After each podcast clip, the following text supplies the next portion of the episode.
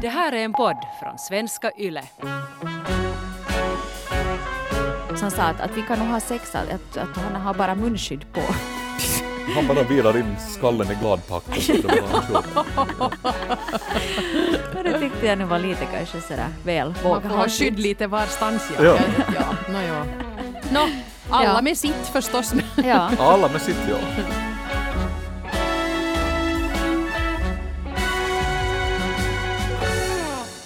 Hur ligger det till med liggandet mitt i en pandemi? Jag tyckte jag var så fyndig när jag kom på den rubriken för dagens podd. Ja, ja. Jag tror att det, och det var ganska många som kände igen sig också för att eh, det här med liggandet under pandemin så har genererat många svar och kanske inte de svaren som vi först hade tänkt oss. Nej, precis. Vi gjorde ju som vi brukar, slängde ut ett sånt här litet formulär där man anonymt kunde besvara den här frågan här om veckan och eh, svaren lät inte dröja på sig. Det brukar de inte göra när vi pratar om sex i den här podden och det är ju kul. Men faktiskt, som du säger Hanna, eh, det var inte enbart de svar som kanske jag hade förväntat mig. Eh, En del av er har berättat att ert sexliv mår alldeles utmärkt kanske rent av tack vare pandemin. Andra säger att det har varit en ärans svacka. Och sen en intressant grej som vi måste prata lite längre om och därför tänkte spara det till slutet av den här podden. Det var jättemånga kvinnor den här veckan som skrev att de skulle gärna vilja ha sex men deras kar, nej, nej, alltså det är inte en kar, jag tror de har varsiga, Ja. vill inte. Ja, ja att, att kvinnan vill ligga och mannen vill inte. Precis. Och det här kanske beror på stress eller pandemi eller vad det nu sen beror på. Men att, att det, liksom, rollen har blivit lite ombytta där mot vad man är van att höra. Ja, men det intressanta här var att ni var fyra, fem stycken som skrev nästan likadana brev. Eh, Så att det här ska vi absolut diskutera lite mera. Och det är ju inte bara du och jag, Hanna, som ska diskutera de här sakerna, utan vi har bjudit in vår favoritgäst här i världen, sexualterapeut Patrik Järn. Halloj! Hej på dig och hälsningar från det på avstånd underbara Korsholm. Ja, men Patrik, eh, du ska ta och hjälpa oss gå igenom dagens brevskörd. Och, eh, Ja, jag ska försöka i alla fall. Ja, och, och här har kommit in som sagt ganska varierande frågor, eh, men också många konkreta tips på hur man egentligen kan få till det här med, med sex, då, det, då det kärvar till sig sådär globalt. Vi skulle kunna börja här till exempel med Mymlan, 42, som konstaterar att japp, det har varit lite utmanande det här för att eh, hon lever då relativt trångt och de har barn över 12 år som inte går och lägger sig så där jättetidigt. Och det har inte heller gått att skicka iväg dem till mommo eller fammo eller någonting sånt här. Säkert en situation som många kan relatera till. Men så skriver Mymlan så här. Vi har löst det som så att vi har snabbisar innan vi ska sova på vardagar och då kan man med orsak säga till kidsen att de ska sova eller åtminstone hållas i rummen på grund av skolan nästa dag. Och sen så har vi aldrig staykejat så mycket som under det senaste året. Vi har besökt typ alla hotell i stan och då packar vi med alla sexkläder och leksaker och unnar oss riktigt ordentligt. Och det här är en grej jag gärna tar med mig till livet efter pandemin. Det här fungerar ju förstås då man har barn i den åldern att de klarar sig ensamma en natt. Vårt äldsta barn är 18, så med lite pengar brukar det mesta lösa sig. Föreslår Mymlan. Ja, Ja, Mymlan har ju en mycket eh, pragmatisk och, tycker jag, bra och sund liksom, inställning till det här. Alltså det är jättebra sätt att liksom få det här löst. Och det är ganska roligt liksom, när man tänker på det liksom, på det här sättet. Alltså att nu har vi ju egentligen under den här, det här undantagstillståndet återgått till en tillvaro som ser i vissa avseenden ganska lika ut den så som alla människor levde för bara några decennier sedan. Alltså det här att man bor ganska många människor på litet utrymme och det är ganska svårt att få något privat space. Alltså jag menar redan vår mor och farföräldrageneration så har ju de flesta vuxit upp då på det viset. Att Finland var ju faktiskt ett u-land kan man säga, ännu på liksom början på 50-talet. Eller så här liksom den här första efterkrigstiden och så här. Så det är nog liksom den här allra mest moderna människan kanske som är den första generationen i historien som har vant sig vid att leva så här att man har ett, egentligen ett överflöd av sån här liksom personligt space. Mm. Och jag tycker att liksom utifrån de här förutsättningarna så Mymlan har löst det här mycket bra och dessutom så tackar hotell och restaurangsektorn för säkerligen. förtroende. Ja. Ja, precis.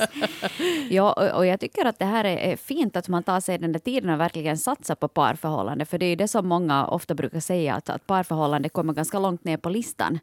Att de har liksom prioriterat, hej vi, vi kör staycations och vi liksom verkligen satsar på att hålla ihop det här förhållandet. Men då till exempel sådana här sexnätter någonstans Ja. ute på stan. Mm. Det är bra. Det var roligt. Jag tänker på det där du sa där Patrik, att det är ju sant det där att inte har man ju länge haft de här stora utrymmena. Att jag menar, kanske nu inte riktigt sådär att åh, vi sover nu här hela släkten i vårt lilla rökpurte och ibland så vippar det lite där under mammas och pappas skinnfäll på kvällarna men, men alla är ganska Ja. medvetna och okej med vad som är på gång. Ja, lite sådär. Och sen alltså bara en sån sak som att, eh, bara sådana med sanitet och sånt, att inte är det ju som särskilt länge sedan människor har nu fått till exempel rinnande vatten och avlopp och Nej. toaletter inomhus och sådana saker. Och sen att framförallt barn och unga har man ju satt då liksom alla sover i samma rum. Just, alltså jag får också upp en sån här rökpurtes-bild när jag tänker på det här. Men alltså det är ju som också på gott och ont. Ont är det ju förstås på det viset att man behöver nu ändå liksom i någon mån ha liksom eget space. Men sen å andra sidan att det är lite samma som den här uh, allegorin som uh, människor i Finland brukar ta till att det är så bra med de här våra simhallar och vår bastukultur för att människor från ung ålder då exponeras till olika kroppstyper och så här. Att, att det är liksom hälsosamt att se det på det sättet. Och så kan det ju också vara liksom med avseende på liksom sexualitet och närhet och så här att man liksom får från ganska tidig ålder en förståelse för att det här är nog någonting som liksom människor gör och sen så kan man liksom då förverkliga det då på olika sätt. Men att om man hela tiden hålls liksom på något vis isolerad från sånt här som nu är egentligen ganska, eller, eller förstås är helt eh, normalt mänskligt beteende, så då kanske det också liksom påverkar hur man förhåller sig till det. Ja. Säkerligen. Men jag tycker faktiskt, eh, jag tycker det är ju en bra grej, poäng som Mymlan hade där, att har man kommit på en sån här bra grej som de här staykejarna, så kan man ju bra fortsätta med dem sen efter pandemin Ja. också. Det har varit, de har upptäckt en kul grej som de kan göra, det är ju toppen. Här hade Anna, 29, skrivit in också och, och hon eh, har upplevt eh, pandemin på ett helt annorlunda sätt. Skriver så här. Vi ligger mycket mindre än förr. Behovet finns inte lika starkt just nu. Tidigare när vi haft perioder med mindre sex har det känts som att vi har blivit distanserade från varandra, men nu är det nästan tvärtom. Eftersom vi båda är hemma hela tiden så finns det så mycket mer närhet. Vi hinner vara fysiskt nära varandra med kramar och pussar och mycket tid i varandras famn i soffan då vi ser på film och serier tillsammans. Vi måste inte hitta närheten och varandra i sexet. Istället så mår vårt förhållande bra av en intensiv vardag tillsammans. Så säger Anna. Ja, det är väl på samma sätt, har samma kommentar som till eh, Mymlan hette hon då. Eh, så det är väl bra. Alltså så länge nu liksom alla involverade parter är glada och nöjda så då, är det, då finns det inget problem. Nej, och jag kan ju tänka mig också det där att, att eh, då man är nära varandra, att man, att man på något vis hittar den där känslomässiga kontakten med varandra också. Att det kanske inte behöver vara just det där sexet som är där, utan man har den där närheten och man känner att man, att man har en liksom samhörighet. Att det ger också Precis. väldigt mycket. Att Det är inte alltid det där att hur många gånger du ligger i månaden. Ja, för jag tänker att det Nej. kanske kan bli lite sådär att oj, oj, att vi har så mycket och det är så jobb hit och dit och barnens hobbyer och egentligen ser vi va- varandra ganska lite under veckan. Men vi måste ha sex då för det är liksom ett saldo på att vi har en sund relation. Och där har de Ja. kanske lite sluppit den där pressen att nu är det mer det där att "Nå, men man kan ha sex om man har lust men, men man måste inte. Och det är ju ganska, Precis. det låter ganska skönt tycker jag. Ja. Ja, och det, och vad heter det, alltså det som jag nog tänker då, att alltså då är det ju alltid det här att ehm, det, det finns ju liksom en risk då för att det är liksom en som tycker det här är jättebra fungerande och är helt nöjd.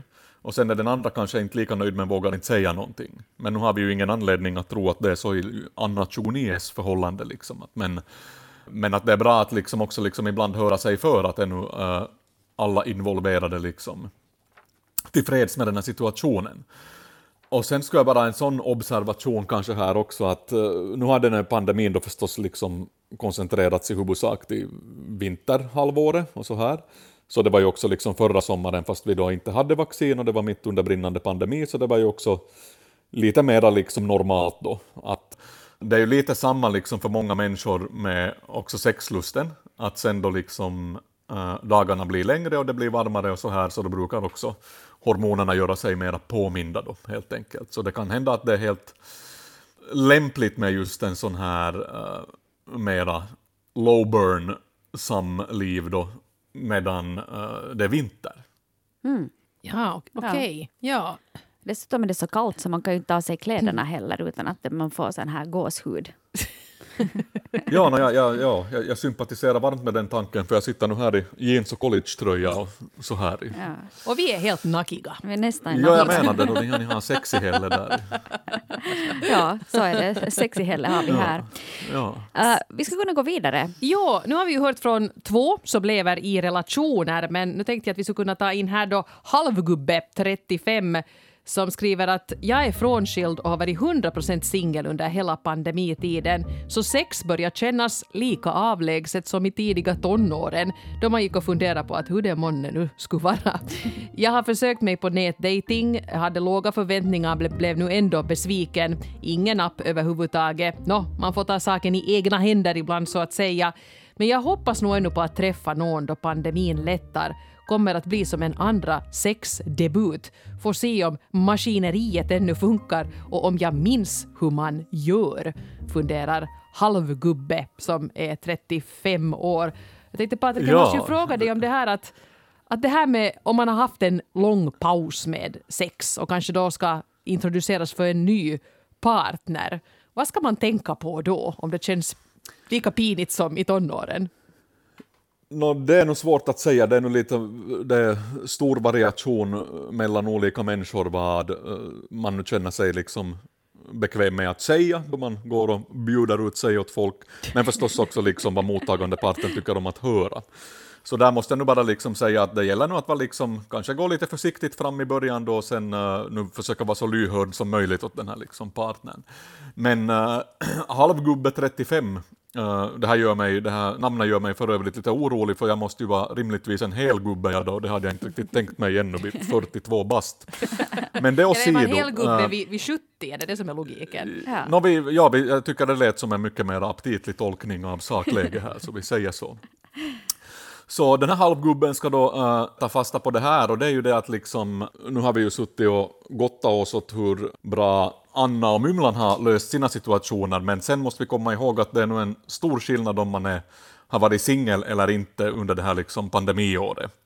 Så den här situationen är ju liksom förstås rimligtvis mycket mer utmanande för den som är singel eftersom man kan ju inte liksom träffa människor och dejta så här som normalt. Så jag föreställer mig att det finns en ganska stor proportion människor i vårt land som har haft det extra svårt då i det här avseendet under det här året och dit skulle då rimligtvis singlarna höra i större utsträckning. Men ja, alltså det är nog jättesvårt att säga så här på allmänt plan att hur ska man göra för att närma sig någon. Att det, jag tänker nog att eh, jag skulle ta själv eller jag skulle liksom finna den här tanken angenäm på det sättet att det måste ju rimligtvis finnas ganska mycket människor som är väldigt sugna på att gå ut och träffa någon. Så jag tänker mig att den här sommaren så har potential kanske att vara mycket bra om man har tänkt ge sig ut på marknaden. Ja, och alla kanske är lite sådär pirriga och, och nervösa. Ja. Och, och så att, åh nej, hur var det nu man gjorde igen då man höll i handen och pussades lite? Och, och, och man kanske är lite sådär nervös. Och det är någonting fint i det tycker jag också. Att Är det, det, den här sommarens, sommarens raggningsreplik kommer att vara att jag är sen dubbelvaccinerad. Ja. ja. Ja, pre- ja precis. Men det har ju nog varit, alltså, jag måste säga, jag är ju själv singel och har några singelkompisar och, och vissa av dem har nog dejtat på hur som helst under den här eh, Ja. pandemitiden också. Att folk har ju varit ganska o, o, olika. Att vissa har varit på, på sina datingappar med ett munskydd på bilden medan andra sen har varit sådär att "Nå, men nu kan vi träffas och, och ligga ändå. Att så länge du inte har något symptom så är det helt fine. Jag hörde också Ja. med en min kompis, så hon skulle på en dejt och han var faktiskt i karantän på grund av att han hade då blivit utsatt för någon typ av smitta. Så han sa att, att vi kan nog ha sex, att, att, att han har bara munskydd på. Han bara virar in skallen i gladpack och så. Ja. Det tyckte jag nu var lite kanske sådär väl Man får ha skydd lite varstans. Ja. Ja. Ja. Ja. No, ja. Nå, alla Ja. med sitt förstås. Ja. Alla med sitt ja. Men hej, här var också eh, evig singelkvinna 33 som skrev in om det här med att vara eh, och, och dejta liksom och, och under pandemitiden och då man hamnar att göra även sexet kanske på distans. Och hon skrev att hon har lärt sig ganska mycket om sig själv eh, på grund av just det här. Jag har alltid haft en god aptit för sex och har ofta flera partners i bilden samtidigt. Men under coronan så har det nog varit ett helt annat sexliv än tidigare. Långvariga partners har som tur funnits med i bilden och vissa av dem så har jag träffat som man inte behövt leva ett helt kontaktlöst liv. Man har börjat bli van med videosex, sexting, och det här har nått helt nya nivåer. Fantasin har kommit igång igen på ett nytt sätt och när man sen träffas på riktigt så har det också varit nytt. Och känslan av att få vara nära en annan person ger en en helt speciell njutning. Diskussionerna om sexet tillsammans har gjort att man har kunnat öppna upp för nya tankar och sätt för njutning. Att man har sett hur den andra gör för att få njutning för sig själv har lärt en mycket. Nu använder vi mer händer, mun och leksaker och mindre in, ut, sprut. Så helt dumt har inte dessa 15 månader varit. Man har lärt sig nya grejer om sin egen kropp och de man delar njutningen med så skriver evig singelkvinna 33. Och jag kan tänka mig att det finns någonting i det här i att man hamnar att sätta ord på så vad man tycker och vill och då du ska kommunicera med någon på distans och, eller du kanske försöker få fram det på ett annat sätt via en telefon eller en videoskärm så, så kanske man behöver vara lite mer kreativ. Jag tycker det är fint att det liksom finns lite positiva följder. Vad säger du Patrik? Ja, jag tycker också att det här är liksom, jag har precis samma tanke som du här. Alltså det här att när man måste artikulera vad det nu egentligen är man vill och till och med liksom demonstrera här då, om det är fråga liksom om videosex och så här. Dels är det jättehälsosamt just det här att man kan lära sig eh, någonting om sig själv. Men sen är det ju, no, det är nu liksom det här att liksom då sex handlar ju givetvis både om att ge och ta.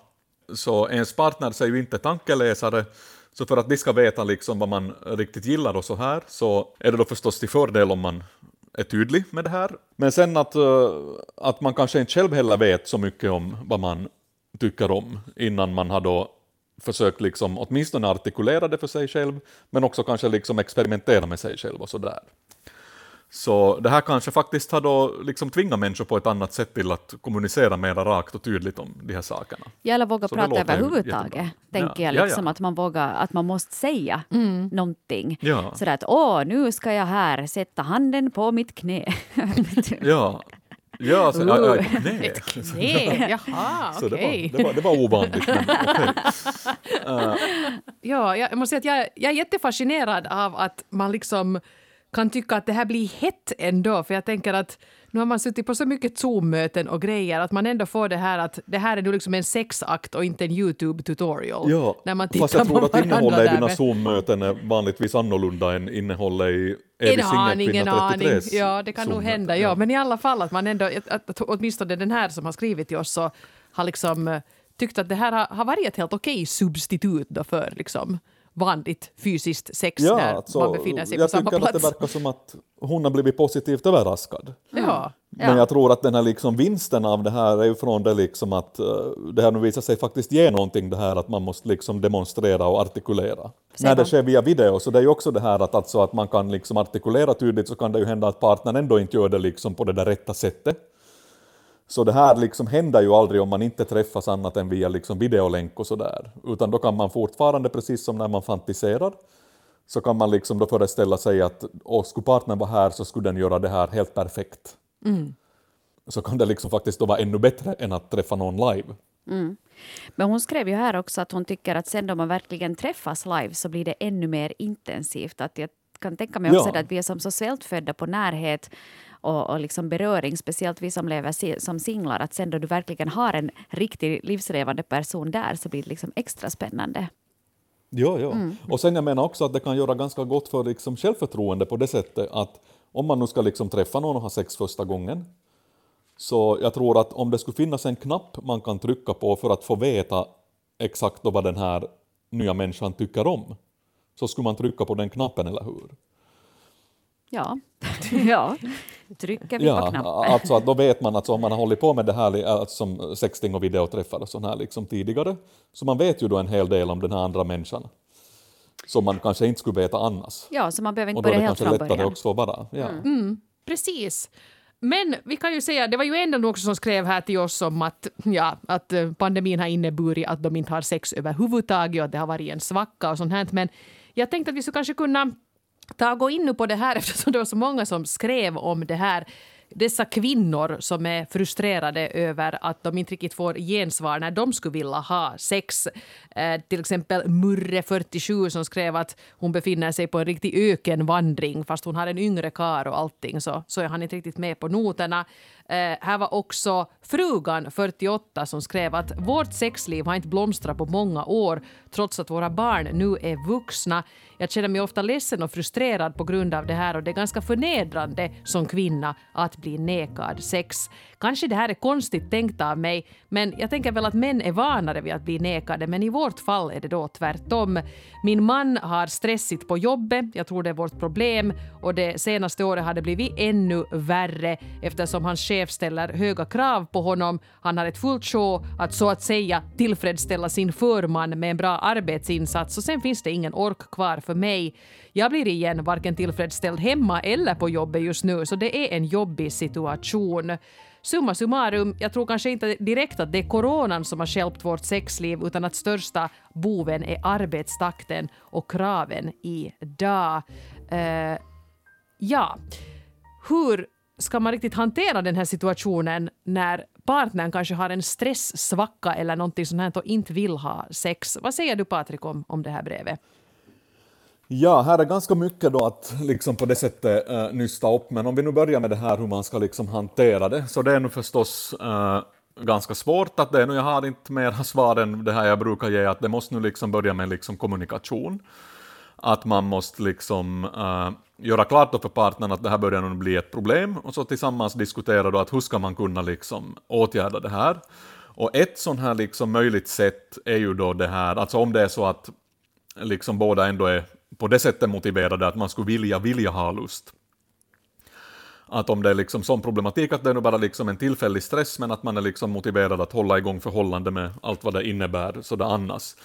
Så då behöver man ju faktiskt inte sitta och vänta på att den här lusten liksom ska komma, utan no, det är faktiskt, vi kan återgå till Mymlan och så här, att de har ju liksom på det sättet Alltså ska man fara på staycations och så här och ha barn så då måste man liksom planera det på förhand. Att man kan ju inte veta att man har lust just då man liksom ska ta in på det här hotellet och så där om två veckor eller när det nu blir. Så man har fått barnvakt. Men att liksom om man, eh, vad heter det, börjar med handlingar så händer det ändå ganska ofta att den här lusten ändå nog sen infinner sig. Fast det kan kännas liksom motigt att börja. Så det är ju på det sättet att man behöver ju inte liksom nödvändigtvis ha våldsamt stark lust eller liksom vänta på den för att sätta igång, utan man kan göra ändå. Och sen vad heter det, så tar man det i den takt då liksom så att den här lusten liksom hinner ikapp. Men den, det brukar den nog liksom göra ifall det är så att det inte finns liksom uh, andra motivationer till att avstå från sex då till exempel. Att man inte är så nöjd med förhållandet i stort eller till och med går i någon slags skilsmässotankar eller så här. Och sen finns det ju förstås också liksom medicinska anledningar till att människor kan då liksom tappa sin sexlust, att det kan vara fråga om liksom någon sjukdom eller någon hormonstörning, eller också liksom sådana som stress och så här.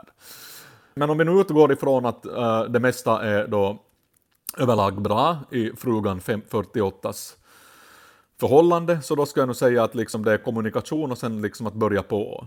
Mm. Men sen är det ju också en annan sak här att alltså hon är nu verkar vara 48 år och då vet vi inte liksom hur gammal den här, uh, hennes man är.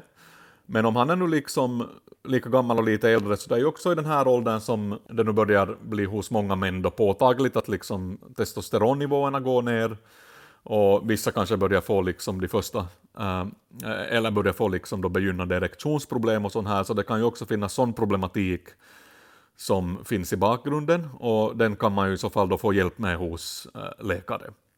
Mm. Så det finns läkare som är specialiserade på sånt här och man kan uh, utan vidare gå och liksom uppsöka hjälp för det. Men att det är ju svårt att säga nu i ett enskilt fall att vad det här nu kan bero på. Att uh, hon har nu identifierat att det handlar om liksom den här uh, mannens eh, arbetssituation och om det är det liksom enda skälet och enda hindret för att de här nu ska ha ett fungerande sexliv så då skulle jag säga att man kan diskutera saken, att, alltså hur tycker den här mannen att man ska kunna då göra för att komma tillbaka till någon mer liksom normal situation och tänka på det där att man behöver nog inte liksom få spontan stark lust för att ha sex i synnerhet då liksom i ett längre förhållande. Liksom så här. Jag tror att det bara är jättesvårt liksom att ta upp det här. Vet du, att om man känner att man hela tiden blir ratad eller att den andra inte Ja. ger en den där uppmärksamheten. Att, vet du, jag, jag håller helt med dig Patrik, det här med kommunikation är ju A och O för att få vilken relation som helst att funka. Men om det känns som att den där mannen då, men det är ju många kvinnor som har skrivit in om samma sak, att mannen lite undviker dem och undviker de här situationerna där man vanligtvis skulle ha sex. Att hur ska man, vad ska man säga? Liksom, Vad ska vara en sån här bra öppningsreplik?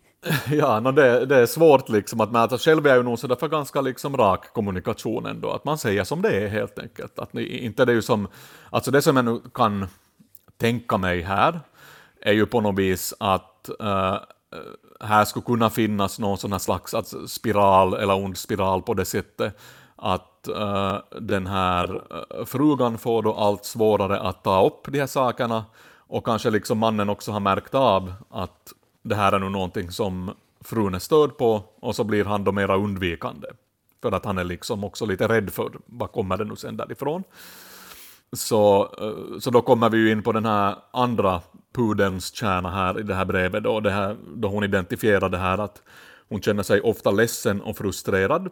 Och det kan ju också bli svårt då liksom att hantera för den här mannen att det blir som ännu mera press på att han borde nu ha lust för att nu blir hon ledsen och arg igen. Och sen det här att hon identifierar att det känns som förnedrande att som kvinna bli nekad sex. Exakt. Eh, Mm. Och så kan jag ju tänka mig att så kan det ju nog vara, att det liksom på gruppnivå att det kan vara svårare för kvinnor att ta ett nej i de här sammanhangen än Ja, det skrev hon ju om själv för- också, att det kanske är lite dumt att tänka Ja. så här, men att, att hon gör nu det ohjälpligen. Att det på Ja, något sätt ett sånt liksom- traditionellt upplägg att mannen ska vara den som erövrar och tar initiativ, men, men här nu liksom är det tvärtom och, och att hon, hon vill mer än han Ja, det är ju faktiskt som tämligen vanligt att det också är tvärtom, alltså vanligare än man tänker sig. Och sen är det dessutom ett, eh, alltså det finns studier som tyder på att det här är liksom ett eh, ökande fenomen, att det blir liksom allt vanligare att det är män som eh, liksom saknar lust och eh, liksom inte, är den som inte vill i ett förhållande. Får jag, får jag fråga dig bara nu, för det är ju Ja. väldigt många det är väldigt många män också som lyssnar på den här podden. Att om man nu är en man som känner att man har tappat lusten då till sin partner. Så vad, vad, vad, kan man Ja. göra? Eller finns det någonting man kan göra för sig själv liksom för att lite sådär få igång? Om man skulle vilja, vilja. Om man skulle vilja, vilja men man vill inte. Och- nå, om man och så skulle vilja vilja så då kan man bara liksom, eh, så man behöver ju inte liksom eh, ta det så fort, att det måste ju inte vara liksom pang på hur var det någon som identifierade som inut uh, sprut Sprut. slut eller något sånt. Ja. Så man behöver ju inte liksom börja med det att man har ju ganska mycket extremiteter som man kan använda i vissa, eh, och vissa av dem liksom innehåller då ben så att de liksom hålls då hårda hela tiden. Och det finns leksaker och det finns liksom varierade sätt att ha liksom sex på. Så man behöver liksom inte oroa sig för, jag tänker att det kan också finnas många som oroar sig för den här själva prestationen. Just det. Mm. Att om just man det. inte har lust och så här och så går man liksom och tänker liksom mycket på det. Så det kan man liksom försöka att då inte göra. Eller man är och rädd för att misslyckas. bara liksom, ja. Ja, eller sådär att, vet du, att om man inte riktigt har lust och så börjar man på ändå så får man inte stånd och så går det åt helvete ändå. Just det. Och så bekräftar det här att "Nå, men jag borde ju inte ha haft sex då för att jag inte hade lust. Liksom, så här. Ja, så att man ska liksom och hon inte tycker tänka att jag liksom det vet då att jag är äcklig, att där ser vi nu. Ja, så man kan liksom då göra äh, andra saker och det finns ju en uppsjö av mycket bra och trevliga leksaker nu för tiden som man också kan beställa helt anonymt och så här. Så att man behöver inte liksom känna att man måste gå in på bensinmacken och investera i attiraljer heller, liksom så här inför äh, allmän åsyn. Eller på K-Rauta där då alla proffs handlar sina sexleksaker. så här. äh, men äh, Ja. vad heter det? Men sen att, alltså, att fundera på att vad skulle, alltså om det här är någonting som nu har hänt ganska plötsligt och att man också märker någonting, eh, alltså någon annan nedgång liksom i hälsotillståndet. Så då kan det ju tyda på att man har för lite testosteron. Det är ju det att kroppen åldras och liksom fungerar då inte lika bra som när man var 20, när man är 50 och så här. Så man kan också liksom fundera på då att eh, finns det någon eh, medicinsk orsak till att situationen nu är sån här. Så till exempel det här att där i 50-årsåldern så det är nu liksom ungefär hälften av alla män som har börjat få någon grad av erektionsproblem. Då redan. Och den här är ju, alltså som problematik är ju också starkt förknippad med de här vanligaste folkhälsosjukdomarna som vi har, alltså liksom hjärt och kärlsjukdom och sådär. Det här var faktiskt kunna ta och slänga in här ännu brevet från Sylvia, 45, som beskrev en ganska liksom liknande situation och skriver så här också att min man tycker att det måste ha varit en bra dag som helhet och att det inte har varit något gnäll eller gnat alls för att han ska vara på humör för sex. Det här gör mig arg eftersom det känns som att jag måste visa mig vara förtjänt av sex. Eh, vi har inte sex mer än en gång i månaden och jag skulle gärna ha sex oftare. Jag undrar om han är trött på mig när han är så ointresserad av sex. Han tar nästan aldrig initiativ till det utan det är så gott som alltid jag. Eh, Skrev Sylvia. Intressant det där med att det är ju faktiskt lite som, som hon tolkar det. Jag tolkar det lite på samma sätt att hon måste ha varit liksom ljuv och blid och inte grälsjuk alls för att han ska liksom vilja. Kåt, glad och tacksam. Exakt. inte det som ni brukar säga? Ja. Ja, det är det här, den heliga triaden av önskvärda egenskaper. Uh, nej, men om skämt åsido så vad heter det, så det som jag nu tänker då jag läser det här Sylvias brev är att här finns då liksom att det här väcker liksom en viss oro hos mig, att här, eh, alltså det här att om sex blir liksom en handelsvara, Just det. som man använder då sådär i manipulativt syfte i liksom ett förhållande. Men då ska vi också komma ihåg att nu har vi ju bara liksom Sylvias subjektiva uppfattning om den här situationen och man borde ju då liksom höra båda två för att nu veta.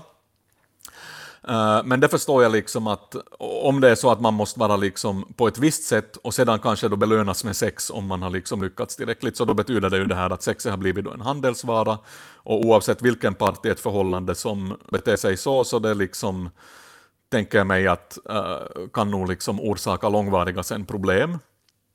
Och återigen så är ju lösningen då liksom ganska direkt kommunikation. E-, ett sådant sätt att ta upp det är ju liksom att man skulle, eh, uh, man, man tänker att man för en förhandling liksom med någon sån här, eller att man som tar in en förlikningsman. Att, sådär, att hur ska det här liksom kontraktet se ut nu för att man ska vara nöjd med det? Vem ska förlikningsmannen vara då? Nej, alltså den är ju fiktiv förstås. Okej. Ja. Så här. Men alltså det är ett ganska sådana bra grepp att om man känner sig deprimerad eller ångestfylld Ja. och sen att man är som sådär att vet ni, livet suger och man hatar allt och alla. Så hur ska liksom, om man ska göra upp ett kontrakt då med livet, så vad är det liksom från livets sida som ska uppfyllas för att man då ska liksom vara nöjd? Och vad ligger på ens eget ansvar? Okej, ja just Ja, det. ja. Mm. Så det som är det viktiga är att man reflekterar kring att vad kan man liksom eh, då begära av en partner och vad är det man liksom tillför och erbjuder själv. För det är ju tvåpartssamtal så att man måste liksom också kunna erbjuda någonting och så måste man eh, kunna då få någonting tillbaka. Men det är väl så, Så lätt att jag- man skyller på den andra oftast. Att det, ja, men han vill inte ha sex eller hon är bara gnäller.